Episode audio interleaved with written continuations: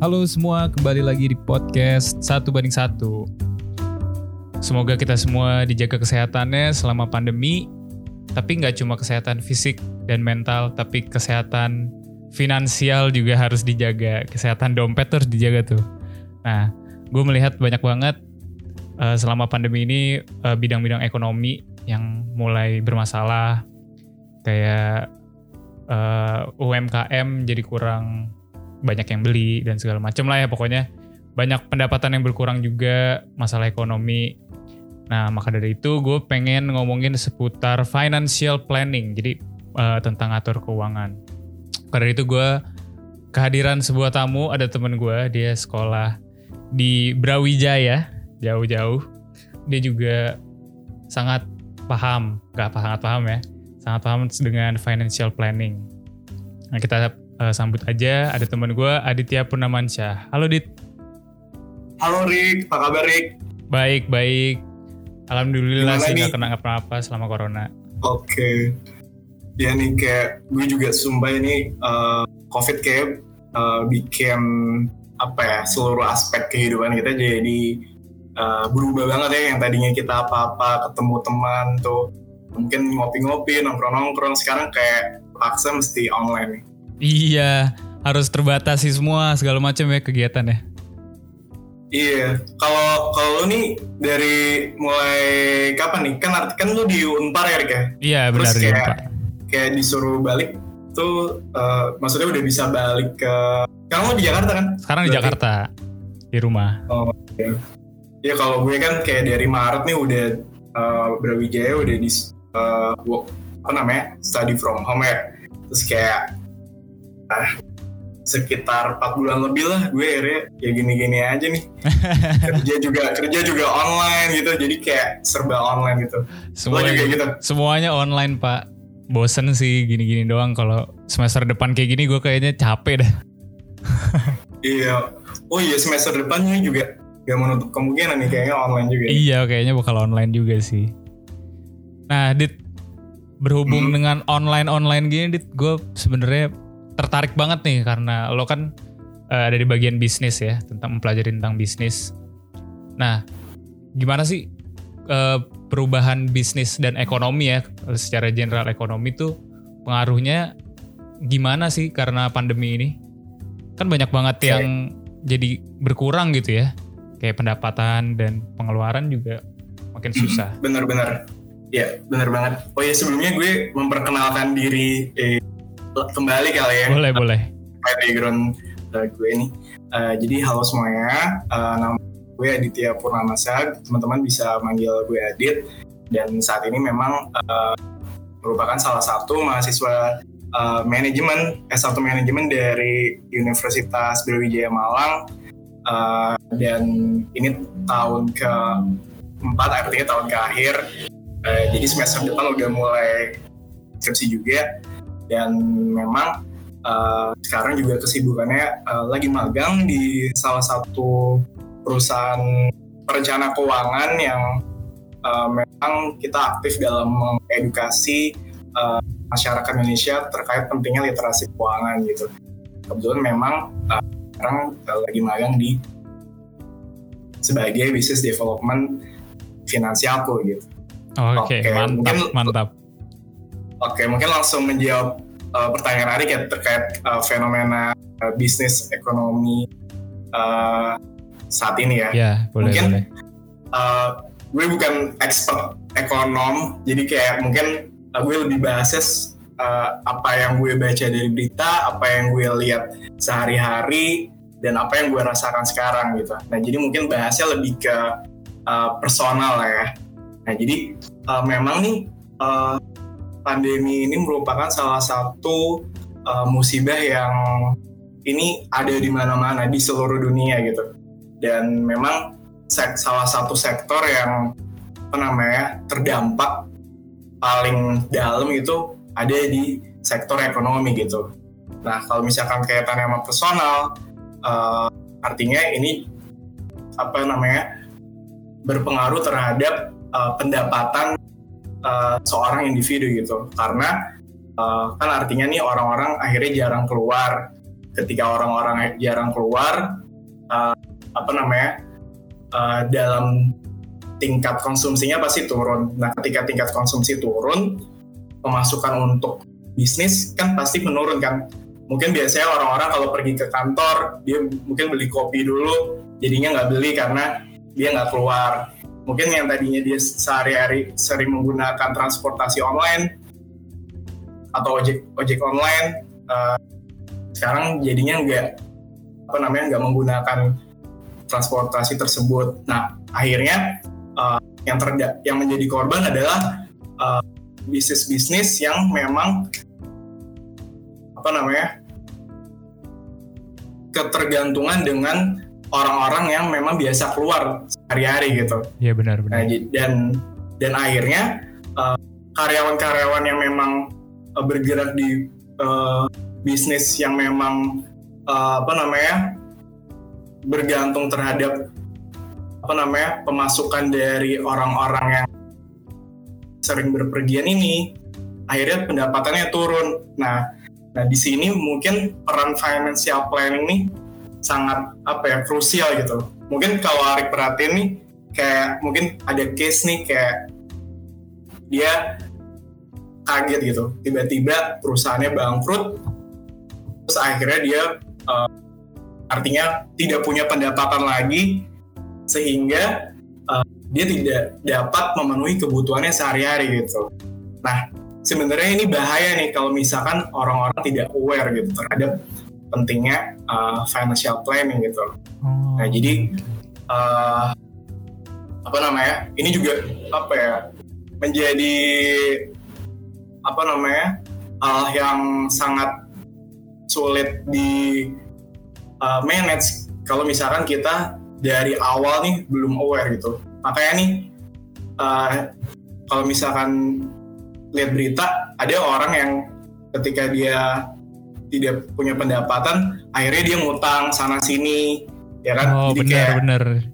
Uh, jadinya dia lilit utang akhirnya, jadinya ya? Hmm, padahal kalau misalkan dia udah aware udah uh, literate financially dia tidak perlu tuh kayak minjem sana sini gitu. Dia cukup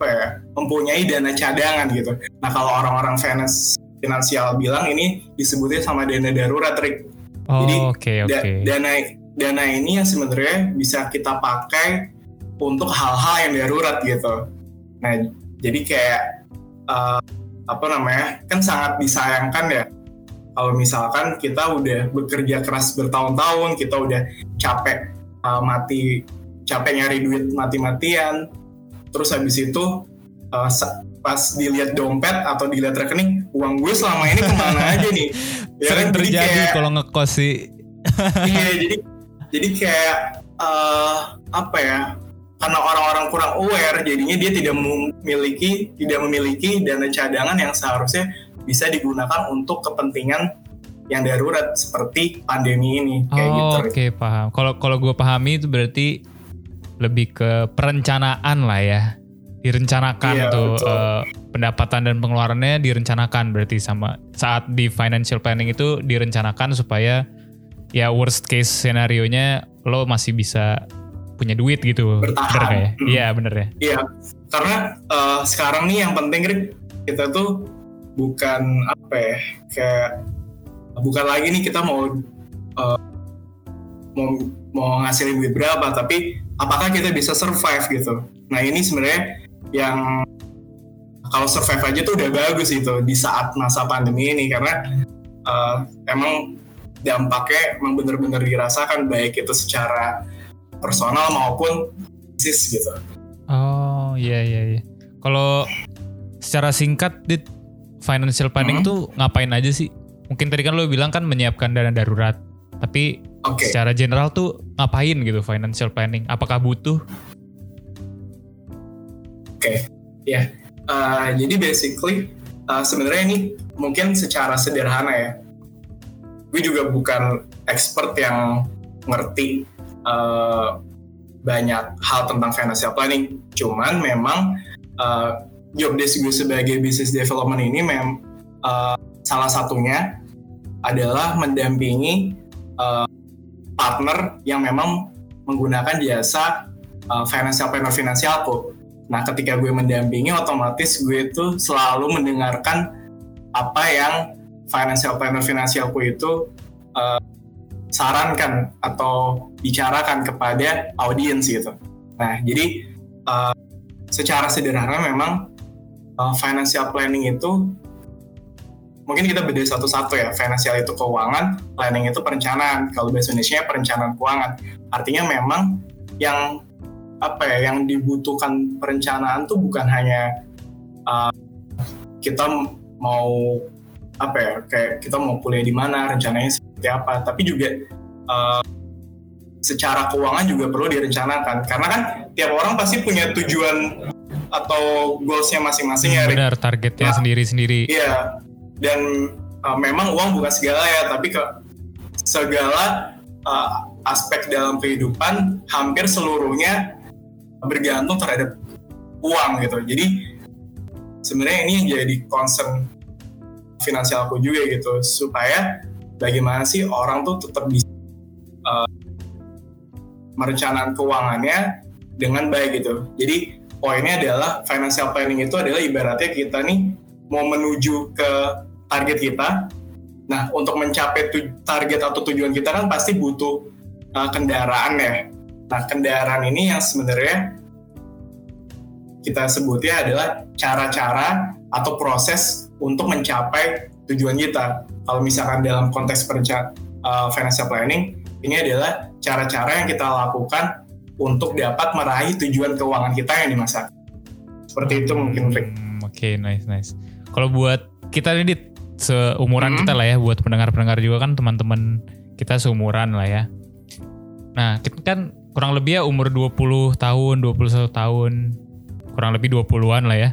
Itu kita misalnya dapat duit nih, kita kan udah ada beberapa yang mulai bekerja misalnya, dapat duit. Nah, itu diapain duitnya?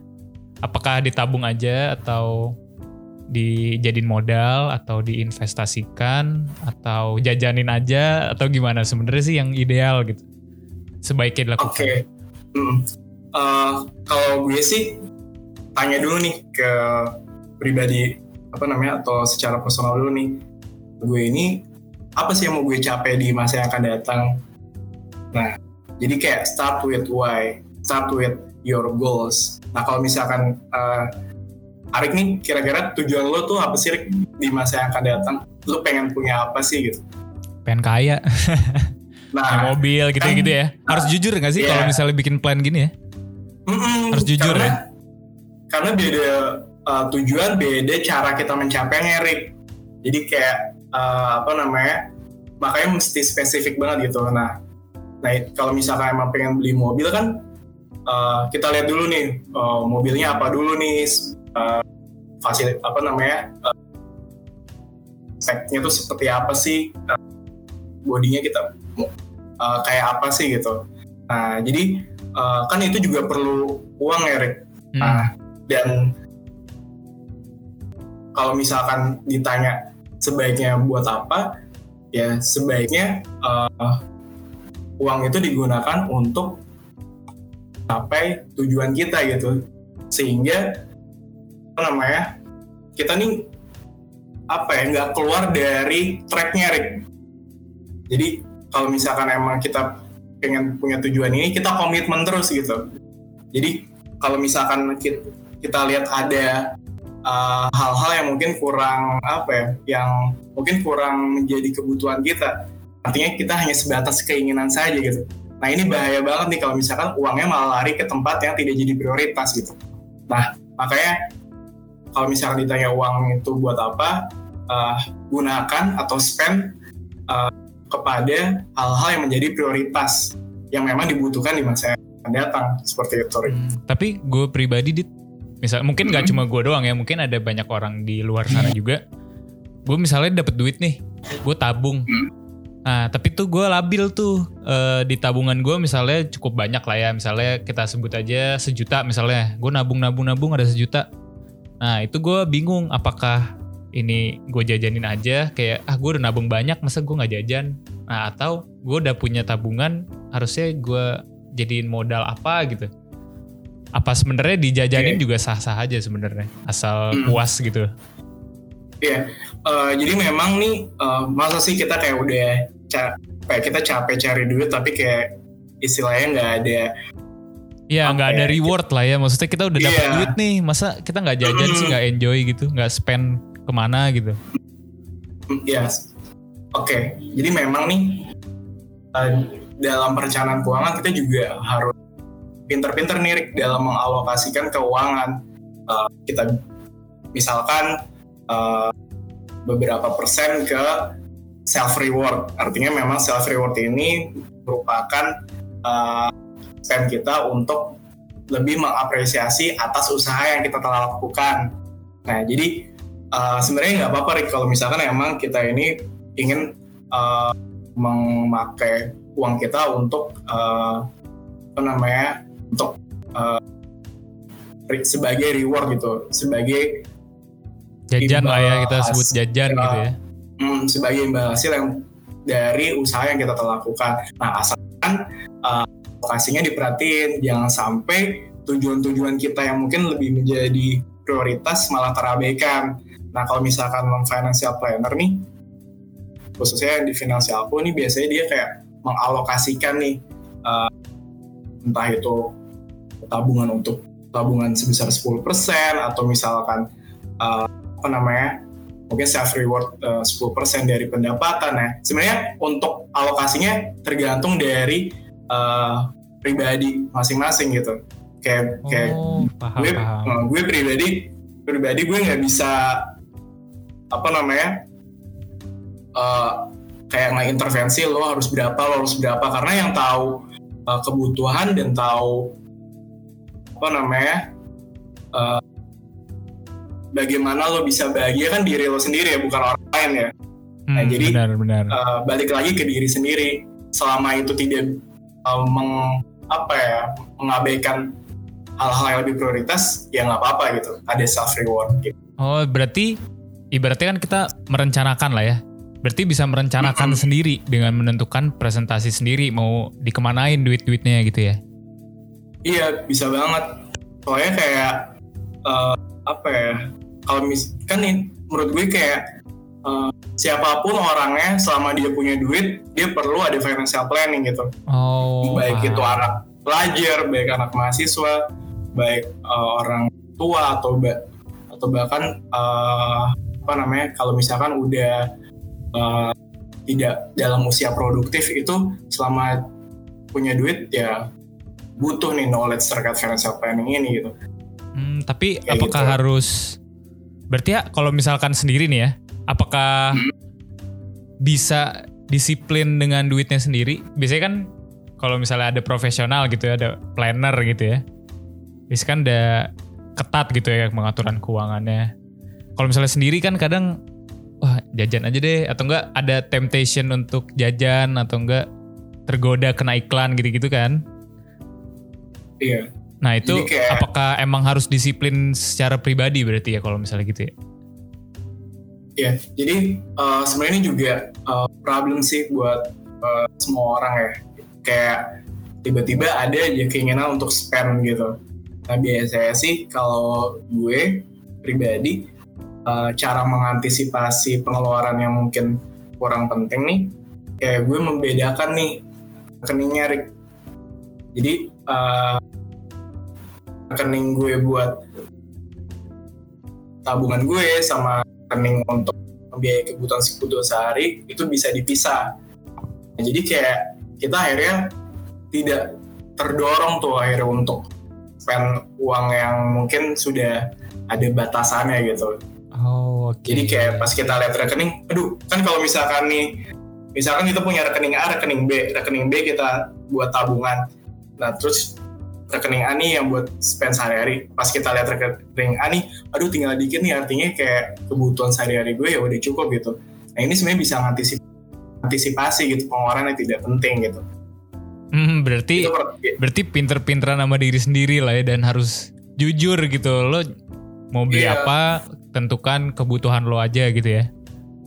Hmm, Nah itu itu cara pertama sih. Nah cara kedua kalau misalkan memang uh, lo nih kayak lo udah mulai uh, invest ke mana-mana gitu. Jadi kayak kalau kita invest kan kalau dilihat dari pengertiannya kan investasi artinya adalah kita uh, mengeluarkan uang kita untuk uh, yang tujuannya di masa akan datang supaya dapat return kan atau imbal hasil atau uh, keuntungan yang di masa akan datang. Nah, biasanya beberapa instrumen investasi ini uh, itu mempunyai jangka waktu yang beda-beda dalam pengembalian pokok maupun imbal hasilnya. Nah, jadi ini otomatis uh, kan kalau misalkan uang misalkan kita udah spend buat investasi ini kan uang itu kan kayak akhirnya sulit kita apa ya kita sulit sulit untuk diambil gitu kan, ya sulit diambil iya sulit gitu ya.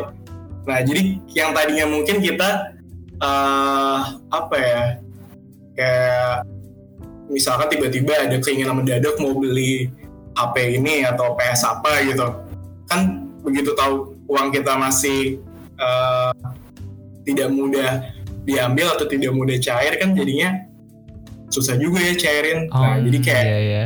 itu mungkin salah satu cara yang dapat mengantisipasi kita untuk uh, mengurangi pengeluaran yang tidak terlalu menjadi prioritas. Oh, kayak gitu. Oke okay, oke. Okay. Berarti atur prioritas itu penting gitu ya. Hmm, atur banget. prioritas kita masing-masing ya. Oh, oke. Okay. Kalau misalkan uh, dunia financial planning kalau misalkan semuanya bisa join gitu maksudnya bukan join ya semuanya bisa merencanakan itu sendiri tapi kenapa masih ada financial planner gitu kenapa lo tertarik sebagai financial planner dit apakah okay.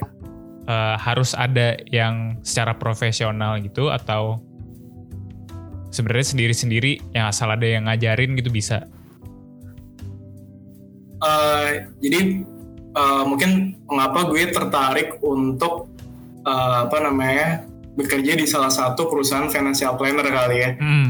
Uh, jadi memang uh, kayak ilmu tentang apa ya atau nulis tentang financial planning kan kayak jarang kita dapatkan di bank kuliah maupun apa namanya kehidupan sehari-hari ya. Jadi kayak gue ngerasa nih orang-orang punya apa ya mungkin punya masalah nih dalam mengatur keuangannya gitu karena lu tau gak sih kayak ada survei gitu kalau nggak salah tuh dari uh, apa ya kalau nggak salah dari kayak badan peradilan apa gitu oh hmm. badan peradilan agama jadi hmm. kayak dia kayak punya apa namanya survei gitu uh, berbagai alasan uh, atau penyebab uh, atau faktor-faktor mengapa di Indonesia ada perceraian. Betul ini kita masih muda tapi udah ngomongin perceraian, padahal belum ada calon ya.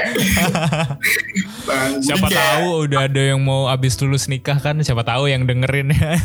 iya, siapa tahu nih di podcast Arif bisa dapet dapet jodoh bisa ya. Dapet jodoh ya. Oke, nah jadi salah satu faktornya itu uh, adalah faktor ekonomi, Rick. Jadi uh, faktor ekonomi ini ketika misalkan memang salah satu pihak atau kedua pihak kayak dia tidak aware terkait pentingnya merencana keuangan, ini tidak menutup kemungkinan akan uh, apa ya kayak menyebabkan perceraian ini gitu. Artinya ketika misalkan ekonominya apa namanya uh, kurang baik, kan dia tidak bisa memenuhi kebutuhan sehari-hari ketika dia tidak bisa memenuhi kebutuhan sehari-hari uh, timbul tuh kayak uh, apa ya masalah-masalah ya masalah-masalah ya, rumah masalah, tangga masalah, lah ya uh, yang uh, sebenarnya ini kalau misalkan kita bisa uh, apa ya sebelum nikah bisa rencanain dengan baik mungkin masalah-masalah ini kayak bisa diantisipasi hmm, gitu. Jadi preventif lah ya si perencanaan ini ya. Iya. Supaya tidak terjadi. That's why that's why uh, perusahaan perencanaan keuangan ini hadir gitu agar kita bi apa ya bisa membantu gitu. Atau sekaligus mengedukasi supaya orang-orang uh, dapat lebih meningkatkan kesejahteraan hidupnya gitu. Oh, karena nih okay. uh, kan kayak apa ya mungkin banyak banget nih Rick, kayak produk-produk keuangan seperti credit card, produk-produk seperti asuransi, produk-produk seperti investasi, kayak sekuritas gitu. Nah sebenarnya kan uh, ini kalau misalkan kita masih awam banget kan takutnya kan nih ada hal-hal yang tidak diinginkan ya. Mm. Nah kayak mungkin baru-baru ini kayak ada uh, perusahaan asuransi yang dia gagal bayar padahal BUMN atau mungkin baru-baru ini kalau misalnya lo ngikutin kasusnya si Jos Jos tuh ini sebut merek aja dikit nggak apa-apa ya. Nggak apa-apa nggak apa-apa. Nah itu kan kayak uh, kalau lo tahu itu korbannya milenial ya. Iya. nah ini kan kalau milenial kan ini anak anak anak muda. muda ya. Uh, hmm. nah jadi mungkin kalau teman-teman yang belum tahu uh, jadi perusahaan si Jos ini tuh kayak uh, apa ya sebenarnya kan finance dia kan perusahaan financial planner tapi dia malah uh, overlap secara kerjanya nah kalau misalkan Arik tahu nih financial planner itu hanya sebatas uh, memberi rekomendasi sekaligus mengedukasi. Oh, bukan okay, bukan okay. sebagai uh, pengelola investasi. Karena ketika mengelola uang untuk investasi yang dapat izinnya hanyalah manajer investasi. Sedangkan perencana keuangan atau financial planner nih dia tidak ke situ. Nah, oh, makanya okay, nih oke okay, oke. Okay. baru tahu gue itu fakta iya, makanya, tuh baru tahu gue ya ya uh, dan makanya nih kayak uh, ada juga nih kayak uh, apa ya kalau teman-teman tahu nih literasi keuangan kan ini kayak uh, ada indeksnya ya Nah, jadi kalau misalkan diukur nih negara Indonesia sama negara lainnya nih, seperti negara-negara di Asia Tenggara, nah itu Indonesia itu masih relatif rendah. Nah, akibatnya apa kalau misalkan uh, literasi keuangan negara Indonesia itu rendah? Kayak case-case investasi bodong, case-case uh, banyaknya apa ya utang yang melebihi aset dan masalah-masalah lainnya seperti sulit membeli properti atau tujuan keuangan lainnya ini akan terus terjadi Rick jadi kayak oh, iya, iya. Uh, that's why financial planner ini harapannya bisa memutus mata rantai masalah-masalah keuangan yang sebenarnya kita bisa uh, antisipasi atau adanya tindakan preventif gitu. Oh, kayak jadi gitu. kalau gue bayangin gitu ya, sebenarnya hmm. planner ini, planning ini secara finansial itu nggak cuma yang skala mikro, tapi skala makronya juga berpengaruh banget ya berarti ya. Skala iya, besarnya ngaruh banget. Hmm, Hmm, pengaruh banget. Soalnya nih uh, apa ya? Once kita uh, tidak aware gitu, tidak cakap dalam mengatur uh, keuangan, kan tujuan keuangan kita akhirnya sulit tercapai ya. Misalkan kita mau beli, misalkan mau beli properti atau kita mau liburan, kalau misalkan kita nggak merencanain dengan matang, tidak menutup kemungkinan kan jadinya kita malah kesulitan kan dalam mencapai jadinya otomatis apa namanya developer properti yang dia udah bangun rumah-rumah karena masyarakatnya dia kurang aware dalam perencanaan keuangannya jadinya dia nggak bisa beli properti otomatis perusahaan atau developernya dia nggak ada customer. Atau mungkin uh, uh, kan itu juga menyebabkan uh, apa ya artinya kita udah bangun ekonomi tapi nggak bertumbuh gitu nggak ada customer ya gitu. Nah itu kayak dari mikro ke makro tuh emang financial planning dari mulai mikro ke makro tuh emang penting banget atau mungkin kayak karena kita terlalu banyak kartu kredit nih kita artinya tidak apa ya kita spend sana sini tanpa memperdulikan kapasitas kita sebagai seorang individu akhirnya gagal bayar. Nah ini kan juga banyak sih terjadi yang, sih ya. Iya perusahaan yang akhirnya kayak memberikan apa namanya fasilitas kredit untuk masyarakat karena mereka gagal bayar otomatis juga mengalami kerugian. Nah ini kan sebenarnya apa ya kayak hal-hal yang kalau misalnya kita bisa atur dengan baik, kita bisa kelola dengan baik, tidak akan terlalu menimbulkan salah gitu. Oh, berarti emang harus inilah ya harus baik-baik secara pengaturannya ya berarti. Mm -mm, bener banget. Hmm. Tapi kalau misalnya secara pribadi misalnya anak muda lah ya, secara pribadi kan nggak pernah diajarin cara mengatur keuangan ya. Kayak misalnya kita ngekos, ya itu kayak trial and error sendiri gak sih? Kan kita soalnya nggak Iya, pernah jadi- diajarin tuh cara lu ngatur duit tuh sekian buat tabung, sekian buat dijajanin, sekian buat nggak pernah diajarin. Kita trial and error sendiri tuh sampai Indomie berhari-hari kan. Iya bener banget. Even orang tua gue, dia mereka nggak ngajarin gue Rick, terkait keuangan gitu. Sem- sempet sih kayak dit ayo dit nabung gitu. Cuman kayak ya udah gue kayak nabung-nabung aja tanpa gue tahu nih tujuan gue apa gitu. Nah kan problemnya orang itu mungkin kurang aware karena dia tidak tahu nih kenapa dia harus nabung, kenapa dia harus investasi. Jadinya dia spend sana sini kan. Dia dia tidak start with why. Nah makanya kayak eh, ini juga apa ya finansial aku juga konsen juga terhadap hal ini. Kita memang pengen nih literasi keuangan itu lebih kita ingin berusaha membantu pemerintah dalam meningkatkan indeks literasi keuangan gitu supaya nih masyarakat masyarakat Indonesia secara keseluruhan sudah aware gitu Hmm, terkait pentingnya si keuangan ini atau financial planning ini gitu kayak hmm. gitu. Mungkin buat bagian yang terakhir nih ya, sebelum kita tutup Hmm. nih. Ini Oh ini lebih udah selesai ya? belum belum. Ini sharing Oh. personal dari lo lah ya. Oke oke. Ini secara general nih. Itu kan kita ngomongin kan tentang uang gitu ya. Ya semuanya butuh uang lah. Kita nggak usah munafik gitu. Pasti ada duit di segalanya kan ya.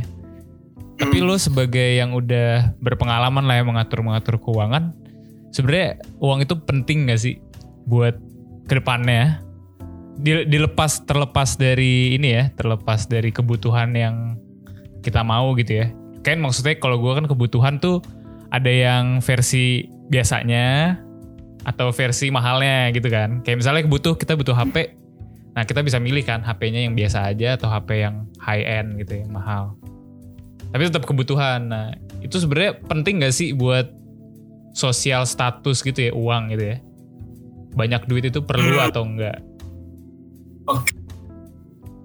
Eh, sulit juga sih jawabnya. Eh, kayak mungkin eh, gue bahas sedikit lagi nih kayak eh, memang uang ini bukan eh, segala ya, tapi memang eh, seluruh aspek kehidupan kita eh, hampir semuanya nih butuhkan uang gitu dalam kayak gitu. Jadi kalau misalkan ditanya enggak, eh, menurut gue penting karena mungkin ini jadi salah satu cara supaya kita bisa nih mencapai tujuan kita yang di masa tujuan di masa yang akan datang gitu. Nah kalau misalnya untuk social status sebenarnya sih kadang nih apa ya dia ini hanya orang mungkin beberapa orang ya dia hanya ingin terlihat uh, derajatnya tinggi gitu jadinya mungkin apa ya kayak uh, dia akhirnya apa ya gue gue punya pandangan malah kayak orang yang terlalu mementingkan social status justru dia lack of financial literasi gitu Karena pada akhirnya- iya bisa juga sih, bisa bener juga Iya. bener.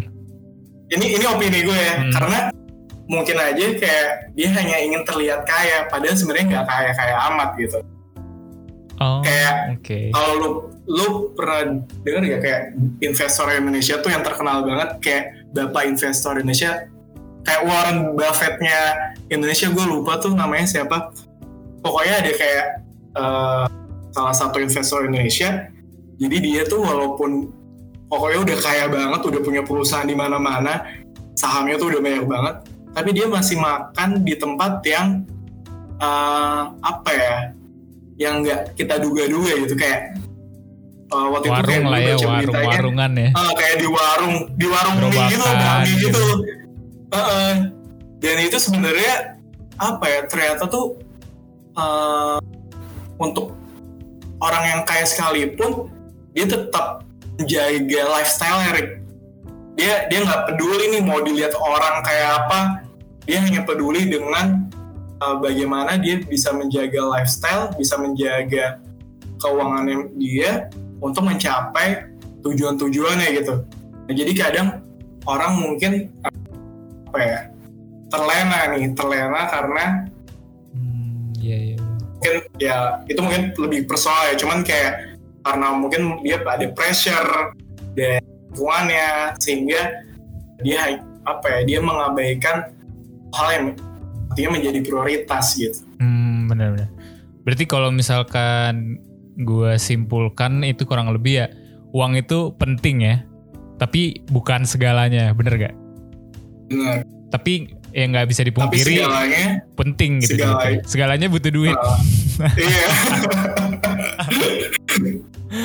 iya iya gitu Jadi sebenarnya serba salah juga sih gue sebagai individu, sebenarnya sebagai semua individu orang-orang ya. Kayak penting nih, kayak pengen ngapa-ngapain tapi butuh duit juga akhir-akhirnya ya. iya Eh, cuman kayak kayak gue sih selama ini kayak gue nggak fokus ke uangnya sih Rick. gue gue fokusnya ke habit yang gue bangun gitu Oh benar. Jadi emang sebenarnya mau uang sebanyak apa pun, kalau misalkan habit kita masih eh, apa ya, artinya kita masih boros, masih suka spend ke sana sini, ya tetap aja Rick. Mau uang, mau dia dikasih uang 1 m, mau dikasih satu triliun, kalau dia tidak eh, apa ya, dia masih kurang disiplin nih dalam mengatur keuangan, nah dia bakal sulit gitu untuk mencapai tujuan-tujuannya yang mungkin lebih prioritas gitu. Oh, Jadi sebenarnya iya, iya, kuncinya iya. itu menurut gue sih di uh, habit atau kebiasaan yang kita bangun uh, tiap hari itu. Karena kan untuk membangun habit em- memang tidak bisa sehari dua hari ya. Kayak gue dulu juga uh, apa ya gue tuh gue tuh nyesel banget kenapa gue nggak tahu ini sejak SMA gitu. Mungkin kalau gue SMA udah ngerti kayak ginian, mungkin lulus kuliah udah bisa eh, DP rumah atau apa nggak mana ada yang tahu kan makanya kayak eh, gue nggak mau nih gue dengan waktu yang mungkin terbatas nyesel lagi nih kayak gue pengen dari sekarang habit gue tuh bisa terbangun dengan baik dan itu sustain gitu Oh, Dan ini- berarti emang hat- harus atur habit kita ya, pengeluaran da- Iya. dari income kita.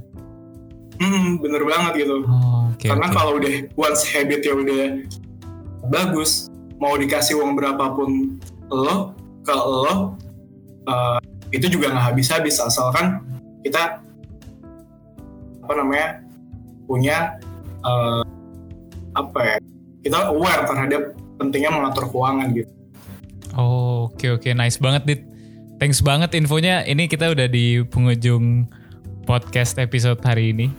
Tapi Oke. sangat ba- banyak banget bermanfaat banget sih informasinya. Dan semoga buat teman-teman yang dengerin juga nih dit bisa Hmm, memanfaatkan lah informasi-informasi dari lo. Karena banyak banget hal-hal yang gak gue ketahui sih sebenarnya. Gue gue juga sebenarnya nih eh, apa ya gue juga masih belajar belajar sih kayak eh, eh, apa namanya sebenarnya gue sama lo nih sama pendengar podcast satu ini juga nggak ada beda ya hanya gue lebih duluan mengetahui gitu. Sebenarnya teman-teman kalau misalkan sering baca berita juga eh, lebih aware juga sih. Dan apa ya kan memang kita nih tidak bisa mengontrol hal-hal yang di luar kendali kita ya Hmm. tapi kit- mungkin kita bisa nih mengontrol uh, apa ya mengontrol sesuatu yang kita mau lihat sering mungkin misalkan uh, kita yang tadinya suka follow yang apa ya hal-hal yang mungkin mendorong kita untuk konsumtif kita udah nggak follow lagi dan kita follow hal-hal yang memang mengencourage kita buat uh, lebih uh, bagus dalam merencanakan keuangan gitu jadi uh, gue juga senang banget nih bisa sharing ke teman-teman Uh, semoga bermanfaat Iya. uh, buat kalian semua ya Amin amin. Semoga kita semua langsung kaya ya dengan memanage keuangan kita langsung kaya sampai tua. amin Oke, thank you banget Dit. Semoga sukses terus dan semoga lo makin banyak sharing-sharing tentang ini karena kayaknya ini penting banget buat kita orang-orang muda karena semua orang butuh duit ya. Thank you banget udah banget men-sharing informasi-informasi mengenai financial planning. Dan semoga bermanfaat juga ke depannya. Thank you banget Dit. Oke, gue, gue juga ngucapin makasih banget nih udah dikasih kesempatan buat sharing-sharing nih sama temen SMA nih. udah lama bro nggak Oke. ketemu bro. Kapan-kapan kalau udah makin reda nih kita harus ketemuan dit. Iya nih, kayak kayaknya reu- mesti reuni gak sih nih SMA nih? Reuni, reuni. Oke, Oke, thank you banget dit. Oke, terima kasih sama teman-teman semua yang udah mendengarkan episode kali ini. Semoga bermanfaat informasi-informasi mengenai financial planning dari Adit. Dan semoga kita semua dijaga kesehatan selama pandemi ini. Oke, terima kasih. Gua Arik, pamit undur diri.